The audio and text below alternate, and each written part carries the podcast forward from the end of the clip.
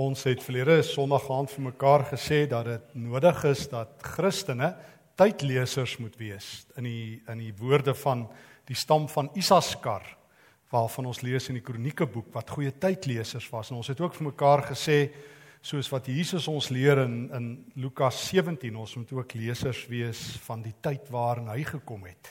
So Christene moet die tyd twee keer kan lees. Ons moet Jesus se oorlosie dra. Vanaand wil die soeklig val op hoe lyk 'n geloofsgemeenskap in 'n wêreld wat eintlik vreemd en vyandig is. Ons moet 'n nuwe taal aanleer.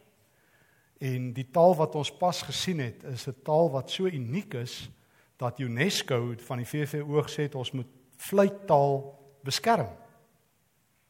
Dis magneties mooi. Die vroeë kerk het so 'n taal gepraat. En ons gaan vanaand stil staan by die verhaal van van die gemeente in Tessalonika en ons gaan twee tekste saam met mekaar lees Handelinge 17 en 1 Tessalonisense 1 en as die Here wil volgende Sondag aand gaan ons 'n tree verder gee as die fokus dan val op dankbaarheid. Want die uitdaging is hoe is jy 'n Christen in 'n nie-Christen wêreld in 'n wêreld wat toenemend Christus vyandig is. In die wêreld waar Paulus die evangelie gebring het waar ons vanaand stil staan was daar geen evangelie nie As Paulus in Tessalonika daar in huidige Noord-Griekeland, die stad bestaan nog steeds Saloniki.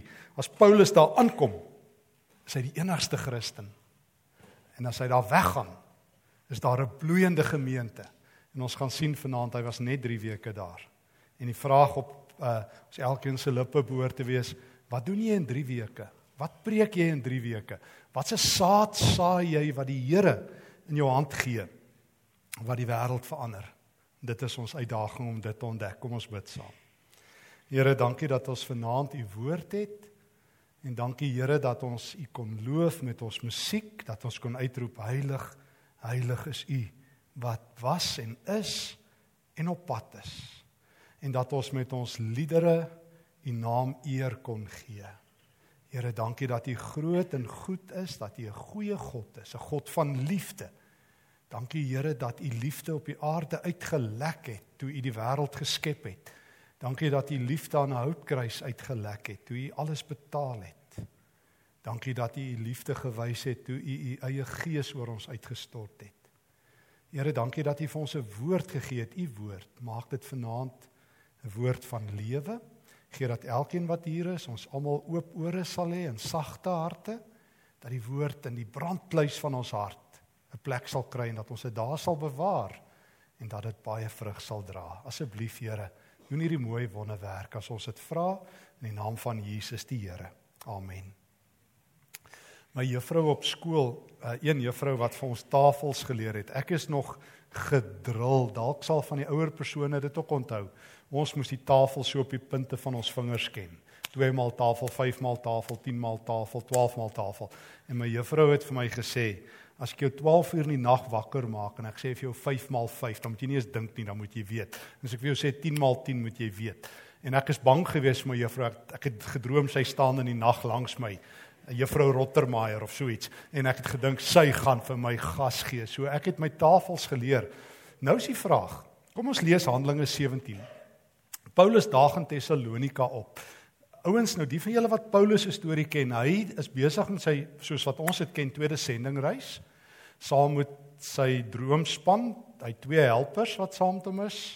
Silwanus of Silas, sy verkorte naam in Grieks, sy langer sy langer naam Silwanus, hy hulle het hom in Joods Silas genoem en Timoteus. En hulle twee saam met Paulus, nou kom hulle aan, hulle is in Filippi gewees, Handelinge 16. Dit was traumaties. Handelinge 16 is Paulus uitmekaar geslaan. Hulle het hom, as jy Handelinge 16 lees, het hulle hom daar saam met Silas in die tronk gegooi, hy het in sy eie bloed gelê, sy liggaam is vodde. Paulus het homself bymekaar gekry, pad gevat Tessalonika toe. Hy's nie bang nie. Ek is altyd so beïndruk met Paulus. Hy kom in Tessalonika aan. Kom ons lees Handelinge 17. Paulus hulle het deur Am Amfipolis en Apollonie na Tessalonika toe gereis waar daar 'n Joodse sinagoge was. Soos wat dit Paulus se gewoonte was, het hy daarheen gegaan en op 3 sabbate. Nou 'n sabbat is Vrydag aand tot Saterdag aand. Vrydag aand die son ondergaan tot Saterdag aan as die son ondergaan. So 3 sabbate gee vir jou 3 weke, 21 dae wat Paulus in Tessalonika was. Uh het hy met die Jode uh uit die skrif geredeneer. Uit die skrif uitgelê en daaruit aangetoon dat die Christus moes ly en hy die dood moes opstaan. Hierdie Jesus wat ek aan julle verkondig het, hy gesê, hy is die Christus. Hier's die eerste ding wat Paulus leer. So as jy 3 weke in 'n stad is, as jy net 3 weke het en dis al wat hy gehad het. En en en julle kan nou maar gaan lees en ons gaan nou nou 'n stukkie uit 1 Tessalonisense net kyk en volgende week nog 'n gedeelte. Dis 'n bloeiende gemeente. Wat preek jy vir 'n gemeente? Wat preek jy dat soos jy in die middel van die nag wakker maak en sê, "Wat het ek julle geleer oor die Here?" Dan weet hulle.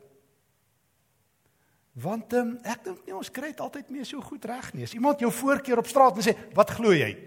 Dan skrik meeste Christene hulle in 'n stilstype in.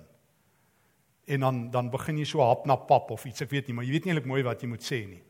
Paulus het mense geleer, as hulle jou voorkeur op straat en jy en jy sê, dan sê jy Jesus is die Christus. Dis wat Paulus mense geleer het. Jesus is die Christus, hy's die Here. Uh En dit is baie maklik. Uh, ek gaan kom ons lees dit tot daar, dan sal ek vir julle wys hoe hy dit in Grieks geleer het. Party van die Jode het oortuig geraak vers 4 en by Paulus en Silas aangesluit. 'n Groot aantal godvreesende Grieke en 'n aansienlike getal vooraanstaande vroue het ook nog bygekom, maar die Jode was jaloers hierop en met behulp van 'n klomp niks werd leegleers het hulle betoging op tou gesit. So dis Paulus kry altyd betogings teen hom. Deesdae betoging betoog ouens oor dienste en oor water en studente betoog en alles. In die tyd toe Paulus op aarde was, het mense teen Paulus betoog. Hier's nogal dis nogal 'n ding. En die hele stad Tessalonika is in oproer. Hulle het na Jason se huis toe opgeruk. Nou dis waar Paulus gebly het. En hulle wou vir Paulus en Silas hê om hulle voor die volk te bring. Jason uh uh is die is die die ou wat tot bekering gekom het en hy gee nou sy huis vir Paulus. En nou wil hulle um Paulus gaan arresteer. Toe hulle toe die Jode hulle nie kry nie, sleep hulle vir Jason en 'n paar gelowiges na die stadsbestuur, dis nou die stadsraad en hulle skreeu. Dit is mense wat die hele wêreld in beroering bring. Nou ek onthou ek het al 'n aand na hierdie teks verwys hier. In die Grieks, as Paulus is, is Lukas wat dit nou Handelinge skryf in die Grieks staan daar letterlik hy draai hulle draai die wêreld onderste bo. Hulle draai die wêreld onderste bo. Dis my die mooiste beskuldiging teen die kerk ooit. Het jy al iets so mooi gehoor? As jy by Paulus is, dan sit upside down. Dan's bo onder en onder bo en onderste bo en agter voor en agterste voor en eerste laaste en laaste eerste en sterk swak en swak sterk en klein groot en groot klein. Onthou julle dis die taal van die Nuwe Testament. Die Nuwe Testament is so anderster. Hulle draai die hele wêreld onderste bo. Die ouens sê ons kan dit nie vat nie. As ons daar by die vroeë kerk instap is alles anderster. Sjoe, wat 'n mooi beskuldiging. Sal dit nie wonderlik wees as hulle dit weer van ons sê? As ek in die kerk instap is alles anderster. Ehm um, Hulle is nou hier in ons stad vers 6 en hulle het Jason het vir hulle huisvesting gegee. Hulle handel in stryd met die keiser se wette. En hulle sê daar's 'n ander koning, Jesus. Nou in Grieks, as ons 2000 jaar terug geleef het en ons sou in Tessalonika gewees het, dan sou ons almal die volgende geken het in Grieks. So hier's twee Griekse woorde. Kaiser, dis die woord vir keiser in Grieks. Kaiser Kyrios. Keiser is Here. Kyrios is die Griekse woord vir Here. So elke Griek, as jy daar in die straat loop en jy sien die standbeeld van die keiser, dan sê hy Kaiser Kyrios. Keiser is die Here. Wat kom doen Paulus? Hy stap in die stad in en hy leer Jesus Kyrios. Jesus is die Here. Die Griekse naam vir Jesus is Jesus. So nou het ons twee Griekse woorde geleer. Jesus Kyrios. En Paulus skryf dit in sy briewe. Julle ken mos sy briewe. Jesus Christus. Maar hy leer dit vir hulle as 'n stelling. Jesus is Christus. Jesus is die Here, nie die keiser nie. Jy sien, sien hoe goeie leermeester is Paulus. Hy 3 weke. Wat leer hy vir die ouens? Hy leer vir hulle, kom ek vertel julle van daai man aan die houtkruis. Jesus, en toe hy daar gesterf het, het hy jou hele lewe saam met hom in daai kruis gesit. En weet jy wat, as jy in hom glo, dan gaan daar 'n kop aan kop of 'n mens aan mens uh, botsing plaasvind. As jy in Jesus vasloop, gaan dit noodlottig wees, jy gaan dood wees. Dis soos 'n tref en trap ongeluk, maar Jesus gaan nie trap trap nie, hy gaan jou net tref dan gaan hy jou splinter nuut maak. En dan gaan daar 'n nuwe mens opstaan die van julle wat Paulus nou goed ken, hy sê dit mos in Romeine 6 of in Kolossense 2. Ek het saam met Christus gesterwe. Galasiërs 2 ook. Ek is dood, is 'n nuwe mens. En dan het jy 'n nuwe slagspreuk. Jesus Kyrios. Jesus is die Here. So as as die Tessalonika ouens juffrou jou wakker maak en sê, "Hoeveel is 1 + 1?" dan sê jy Jesus Kyrios. Dis die eerste wat jy sê. Jesus is die Here. En as iemand vir jou vra by die werk, nou wat dink jy van die nuwe gode van die Grieke? Dan sê jy Jesus Kurios. Dan sê nee nee keiser Kurios, dan sê hy nee die keiser is nie meer Here nie. Jesus is die Here. So tot die vyande van die vroeë kerk het geweet wat die kerk leer. Is dit nie aangrypend nie? Wys julle hoe eenvoudig. Paulus was nie ingewikkeld nie. Sy briewe is ingewikkeld. Verseker, ou moet daarom so 'n bietjie bietjie gaan sit as jy Paulus wil lees. Jy moet so 'n bietjie moeite doen. Selfs Petrus sê dan 2 Petrus 3, ons broer Paulus is nie so maklik om te verstaan nie. En ek stry nie met Petrus as hy sê Paulus is moeilik nie. Want Petrus was daarom 'n groot eyster. Maar hoe dit ook al sê, hoe dit ook al sê, Paulus se evangelie is eenvoudig. Jesus is die Here. Enigiemand kan dit verstaan. Ek onthou die storie wat ek een keer gelees het van van 'n uh, van 'n student wat vir sy professor gesê het by die universiteit wat 'n ateïs was. Toe sê hy vir sy professor, toe hy vir hom sê, "Geen groot mens kan hierdie evangelie glo nie. Dit is belaglik." Toe staan die, die student op toe sê, "Professor, die evangelie is so mooi en so eenvoudig. Dit is soos 'n rivier. Maar die ding is, dit is so diep dat groot mense daarin verdrink en so vlak dat kinders daardeur kan stap. So professor moet net weer 'n kind word en deur Jesus se oë kyk. En dis wat Paulus vir mense geleer het. Hy maak die evangelie eenvoudig. Jesus is die Here. Jesus is Christus. En dit het die ouens woedend gemaak want die vyande het dit ook onthou. En dan sê hulle hulle handel almal in stryd met die keiser se wette en die stadsbestuur en die mense was ontstel. Christene maak mense ontsteld. Ek het agtergekom en kan ek dit net gou weer as 'n kantlyn opmerking sê. Ek het maar agtergekom Christene ontstel mense as uh, in my kinderdae was dit nogal 'n ding. As ons mense so aanvat oor hoe hulle lewe.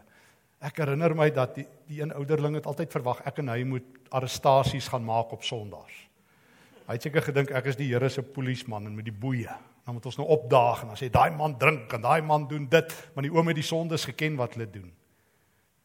En ek het nie gedink dis waarvoor ons hier is nie. Ons is in die eerste plek hier nie om te sê jy doen verkeerd nie, maar om vir mense te sê Jesus Kyrios. Jesus is die Here. Dis die mooiste wat ek vir iemand kan sê. Nie jy's op pad hel toe en jy maak droog nie. Want die kerk het blyk vir my nogal meer bekend geword waar teen ons is as vir wie ons staan. Um, ek het 'n paar nie-Christen vriende. Ek hoop julle het ook. En een van my nie-Christen vriende sê al wat hy van die kerk onthou, die kerk het net altyd vir hom vertel hoe sleg is hy. Paulus het net vir mense vertel Jesus is die Here. Nee nee, hy hy praat ook oor sonde toegegee. Hy praat baie ook daaroor. Maar maar hy het nie 'n sonde lys gehad en sê jy doen dit verkeerd, dit verkeerd en dit verkeerd en kom ons sorteer eers dit uit. Hy het gesê, weet jy wat? Kom ek kom ek vertel jou, maak nie saak waar in jou lewe is nie. Maak nie saak hoe diep jy geval het, hoe ver jy geval het, hoe lank jy val nie. Jesus is Christus. Ek herinner my aan iemand wat vir my op 'n dag gesê het: "My sondes is te groot, die Here kan vir my niks doen nie." Sê ek van weet jy, kom ons vergeet jou sondes. Kom ek vertel jou van Jesus. Want Jesus se arms is sterk genoeg. Jy kan nooit ver genoeg val dat hy jou nie kan vang nie. Jy kan nooit genoeg droog maak dat sy liefde en sy redding nie vir jou genoeg is nie. Hy het jou altyd lief. Hy kan jou altyd inhardloop. Jy's nooit vinnig genoeg dat jy jou nie kan inhardloop nie. Dis nooit donker genoeg dat sy lig nie kan skyn op jou nie. En dit het Paulus vir mense geleer. En toe is hulle losgelaat en toe gee hy pad uit die stad, 3 weke. So wat het Paulus geleer? Christus. Kyrios. En nou skryf hy 'n brief aan die gemeente. Nou leer hy hulle nog ietsie. Nou gaan ons gou nog ietsie leer. Nou vra ek gou vir julle, blaai gou saam met my na 1 Tessalonisense 1 toe. Nou gee Paulus pad. Jy kan die roete gaan lees. Hy trek nou hy gee nou pad, hy gaan Berea toe, dan ry hy so om die skip af, dan gaan hy Athene toe, Handelinge 17 verder. En in Handelinge 17 as hy in die groot stad Athene is, dan skryf hy die eerste Tessalonisense brief. En die ouens wat nou regtig belangstel in die datering van die Nuwe Testament, dis die eerste boek van die Nuwe Testament. Matteus is nie eerste geskryf in die Nuwe Testament nie, 1 Tessalonisense is is eerste geskryf. So dis die vroegste dokument. Die eerste keer dat Paulus skryf, tot op hierdie oomblik was daar nog geen dokument in die vroeë kerk nie. Ouens, die van julle wat lief is vir kuns en kreatiwiteit. Ek weet want my kinders is. En en dan sê ek altyd vir hulle die kreatiefste ou wat die Here ooit opgerig het is Paulus. Hy begin iets wat daar nog nooit was nie. Hy begin skryf. Daar was nog geen beweging in die antieke wêreld wat briewe vir mense rondskryf en hy stuur dit rond. Hy begin 'n hele nuwe hele nuwe tradisie. Hy begin skryf en hier is ons eerste brief in die Nuwe Testament. En hy hy skryf in 1 Tessalonisense 1 vers 2. Hy skryf nou hierdie brief saam met vers 1 saam met Silwanus en Timoteus. Dis die ouens wat saam met hom geleer het om vir mense te sê Jesus is die Kyrios, Jesus is die uh, Here. Hy sê aan die gemeente van die Tessalonisense waar hy 3 weke was. Hulle is nou al 'n kerk, aan die kerk, die eklesia, aan die kerk van die Here in Tessalonisense wat aan God die Vader en aan die Here Jesus Christus behoort. Hulle sê o ja ja ja, dis wat Paulus ons geleer het. Jy verstaan, hy hy sluit net so aan by wat hy hulle geleer het. Genade en vrede vir julle. Hy begin so mooi. Hy sê ek dank God altyd uh vir julle almal wanneer ek in my gebede aan julle dink. Sonder ophou sê hy bring ek dan 'n herinnering, dan onthou ek die werk van julle geloof, die inspanning van julle liefde en die volharding van julle hoop in die Here. Paulus het hulle nog drie dinge geleer. Nou vat ek jou gou terug na 1 Korintiërs 13. Hy hy skryf oor die liefde. Hy sê daar's drie dinge wat vir die Here belangrik is: geloof, hoop en liefde. En die grootste hiervan? Liefde. Kyk nou, kom ons lees net gou weer. Wat leer hy vir die Tessalonisense? Vers 3. Ek bring dan voor ons God by vir julle in herinnering die werk van julle. Geloof, die inspanning van julle. Liefde en die volharding van julle hoop op die Here. Hy het 'n volgende ding geleer. Hy het nog sê goed, soos wat my juffrou vir my geleer het. Stefan, jy moet nou die tafels ken. Jy moet nou die 5 maal tafel ken en die 10 maal tafel ken en wat se tafel? Maar nou moet jy daarom so 'n bietjie meer kan doen in wiskunde. As jy nou die tafels baas geraak het jy dan bietjie kan optel en aftrek en met hakkies kan werk en 'n bietjie somme kan doen. So kom ons vat dit nou 'n stappie verder. Christendom, ja, dit is die fondament. Christus is die Here. Stap 1, stap 2. Weet jy waaroor gaan die Christelike lewe? As jy drie woorde moet gebruik, drie woorde. Geloof, hoop, liefde. Dis die Christelike lewe. As jy wil weet, as jou juffrou jou wakker maak, as Paulus nie aan daar by jou opdaag en hy sê, "Waaroor gaan die Christelike lewe?" sê, "Geloof, hoop en liefde, Paulus. Geloof, hoop en liefde." Ek glo en Paulus sê, geloof is 'n bietjie ehm um, werk. Dis nie maklik om te glo nie. Hy praat van die werk van julle geloof. Jy moet elke dag kies om te glo. Jy moet elke dag stry. Want 99% mense om jou gaan sê, "Ag man, wat glo jy?" Dis tydmors. Maar as jy vir Jesus ken, dan gaan jy sê Here, ek kies, ek kies om U te sien. Die wêreld sien moeilikheid, ek sien Jesus. Die wêreld sien net hulle self en hulle eie probleme, ek sien Jesus. Oom Paulus het dit altyd reg gekry. Ek ek lees nou die dag daar in Handelinge 6:27 en 28 sê daar op hy skip is Rome toe. Hy's die enigste Christen op die skip. En jy kan dit gaan lees en dan wil hy skip sink. En almal in daai skip is moedeloos, maar Paulus sien die Here. Al die ander ouens sien wolke en donderweer en probleme soos wat ouens nou in Suid-Afrika sien. Sien net moeilikheid. En Paulus sê: "Manne, ek het die Here gesien. En die Here is by my op die skip. Hy's ook aan boord. Julle het een passasier gemis. Die Here is aan boord. Hy's in die storm." En ek dink aan Petrus daar in Matteus 14. Hy loop op die water. Hy loop, hy sien Jesus, maar sien hy daai wolk en trap hy gat in die water. Daar loop Petrus gate in die water, nou begin hy sink. Maar jy sal sien as jy dit al probeer het, mens, as jy jy trap tydker gate in die water, dan gaan jy in die water. En Petrus kry dit reg. Hy trap die water stikkend, toe gaan hy af. En Jesus is daar en hy haal hom uit. Dan sê Jesus: "Petrus, ek loop saam met jou in die storm. Klim hy saam met hom in die bootjie en dan sit rustig." Jesus is altyd saam met sy mense. Dis geloof. Geloof is om jou oog op Jesus te hou. Dis nie geloof is nie hoeveel jy het nie. Geloof werk nie soos jou selfoonkontrak. Ek het 'n groot, ek het 1 meg geloof en hierdie maand het ek nou nog 'n ekstra het my het het hulle uit die hemel om te hard gegloot vir my nog 10 meg data verniet gegee nie. Geloof is nie 'n selfoonkontrak nie. Dis nie as jy glo dan kry jy soveel dan gebruik jy soveel nie. Lyk vir my party mense dink so oor geloof. Geloof is 'n verhouding. Jesus, ek sien U. Jesus, ek sien U oral. Jesus, ek sien nie as ek in die moeilikheid is en ek sien nie as ek langs groen weivelde loop. Here, ander mense sien U nie, maar ek sien U. En ek hou vas aan die geloof en hoop. Christene het 'n vaste hoop dat hierdie lewe nie al is nie. Dit moet verskriklik wees as hierdie lewe jou laaste strooi is. Paulus sê ons is die in 1 Korintiërs 15 sê hy jy is die mees hartseer beklaanswaardig. In Engels sou ek sê a sorry sight as jy net vir hierdie lewe leef.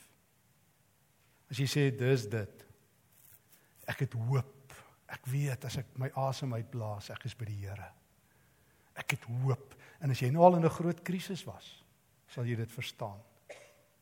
Ek het al vertel, ek onthou toe hulle my een keer wou doodskiet, so 'n klomp ouens met snaakse gewere. Het ehm um, was my hoop toe hulle my daar op my knieë laat staan. Het ek vir die Here Jesus gesê, Here, ek hou aan U vas. Dis nie romanties as hulle 'n 9 mm teen jou nek druk nie, is nie lekker nie. Maar Jesus, U is ook hierso.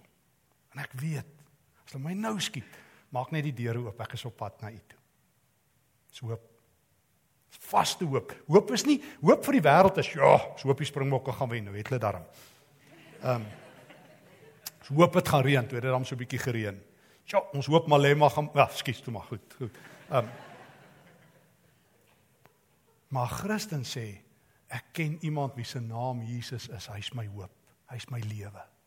Hy's my lewe. Dis hoop. Dan kan ek saam met Daniël se vriende daar in Daniël 3 al gooi hulle my in die oond en al brand hulle my kan ek sê of ek lewe of ek sterwe, ek is Jesus se. Hy het vir my betaal. En liefde. Liefde. Ja. Liefde, Christense liefde beteken ehm um, die Griekse woord vir liefde is agape wat die Nuwe Testament die meeste gebruik. En eintlik is agape nie emosies nie. Mens kan agape ook vertaal met onvoorwaardelike lojaliteit. Dis wat dit ook beteken. Dit beteken ek het jou rug. As ek vir jou liefhet, ek sal jou nooit in die rug steek nie. Ek sal nooit oor jou skinder nie. As ouens op jou trap, sal ek die die voetspore kom afwas. As ouens jou skop, sal ek jou wonde kom verbind. Ek is daar vir jou. Jy kan op my reken. Ek sal my lewe vir jou aflê. Jesus het gesê geen groter liefde het iemand as dat hy wat doen nie. Sy lewe vir sy vriende gee. Wat 'n vriend het ons in Jesus. Hy het vir ons gesterf, geloof, hoop en liefde en dan die laaste stukkie en dan gaan ons volgende week verder. So wat doen Paulus as hy 3 weke het? En as jy 3 weke het, wat leer hy vir mense? Jy leer vir mense Jesus Kyrios. Jesus is die Christus, die Here. Hy is die Here. En dan leer jy vir hulle hoe leef 'n Christen? Geloof, hoop en liefde. Dan leer jy vir hulle kort geloofsbelijdenis vers 9 en 10. In 1 Tessalonisense 1 dan leer jy vir hulle net 'n kort geloofsbelijdenis. En baie van die ou slim teoloë het dit nooit opgetel nie, want ons dink altyd geloofsblydenis moet seker stellings wees. Ek glo in God die Vader, die Seun die Heilige Gees. Dis reg, mens kan. Maar nou vertel Paulus 'n storieetjie, maar dis die vroegste geloofsbelydenis. Hy leer vir mense.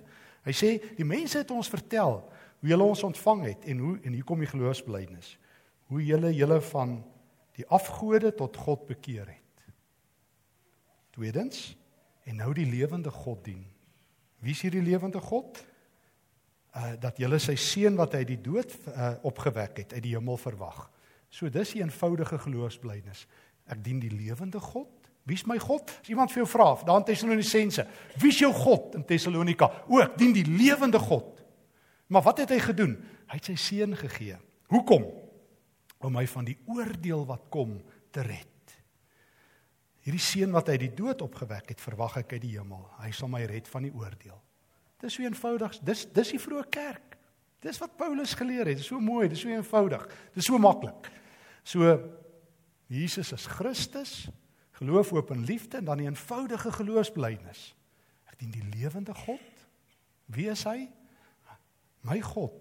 Is nie daai God wat jy daar in 'n standbeeld sien of daar in 'n dooie stuk hout sien nie of in Tessalonika die god Apollo nie. My God is onsigbaar, maar maar maar my God is nie in 'n standbeeld nie.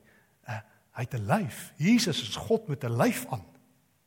Jesus is God met 'n lyf aan en toe Jesus aan hy kruis gehang het, het het hy al my sondes betaal. So ek het nou 'n eenvoudige geloofsblydenis, die lewende God wat sy kind vir my gegee het wat my red van die oordeel wat kom. En dis wat Paulus leer as hy 3 weke in 'n gemeente het. En nou is ons al 'n paar jaar, ek vermoed meeste van julle kan ek waag om te sê, is jy iemand wat minder as 3 weke al in die kerk is vanaand hierso? Daar sê. Goed. Nou het jy dit gehoor. 3 weke. 3 weke. Is jy iemand wat langer as 3 weke is in die kerk? Nou het julle dit gehoor. So wat het ons almal nodig in 3 weke?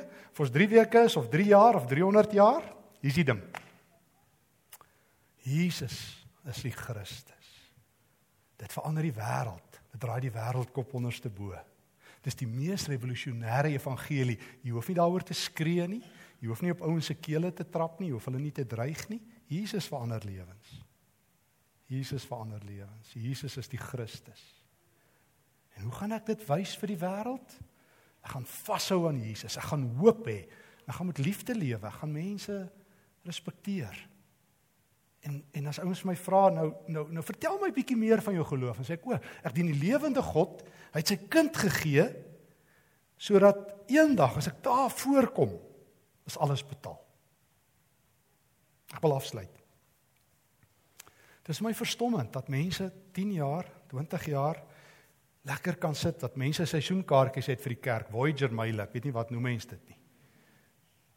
En dan gaan hulle 'n leeftyd deur, na 30 jaar, dan sit nou die dag met iemand te gesels, dan sê die persoon vir my, "Sjoe, ek het geen vrede, ek het geen geloofsekerheid nie." Dan dink ek, wat 'n ongeluk het gebeur in 30 jaar. Is die evangelie so ingewikkeld dat dit hier bo jou kop is? Het jy elke keer geslaap as Jesus opgedaag het? Het ehm um, Het jy uh gedink elke liedjie in die kerk se wiegie liedjie dat jy moet slaap? Nou wil ek vanaand vir jou sê, moenie vanaand slaap nie. Jesus het goeie nuus vir jou.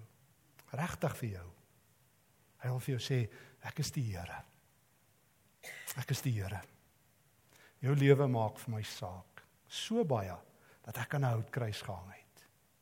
Die lewende God het jou in sy versuur. Hy wil jou red en hy het jou gered van die oordeel wat kom. En jy moet baie bly hieroor wees. En as jy baie bly hieroor is, weet jy wat gaan jy doen? Jy gaan vanaf twee woorde sê: Jesus Kyrios. Jesus is die Here. As my iemand wil weet wie's ek? Jesus is die Here. Jesus Kyrios. Jesus is die Here. As mense wil weet hoe leef ek, geloof, hoop en liefde. En as mense wil weet wat is my geloofsbelijdenis, ek dien die lewende God wat sy kind gegee het sodat ek gered word van die oordeel wat kom. Mag hierdie doeteenvoudige evangelie wat so ingewikkeld is dat mense hier oor struikel, jou nie laat struikel nie. Mag dit jou troos en hoop gee. En as die Here wil, gaan ons volgende Sondag gaan verder.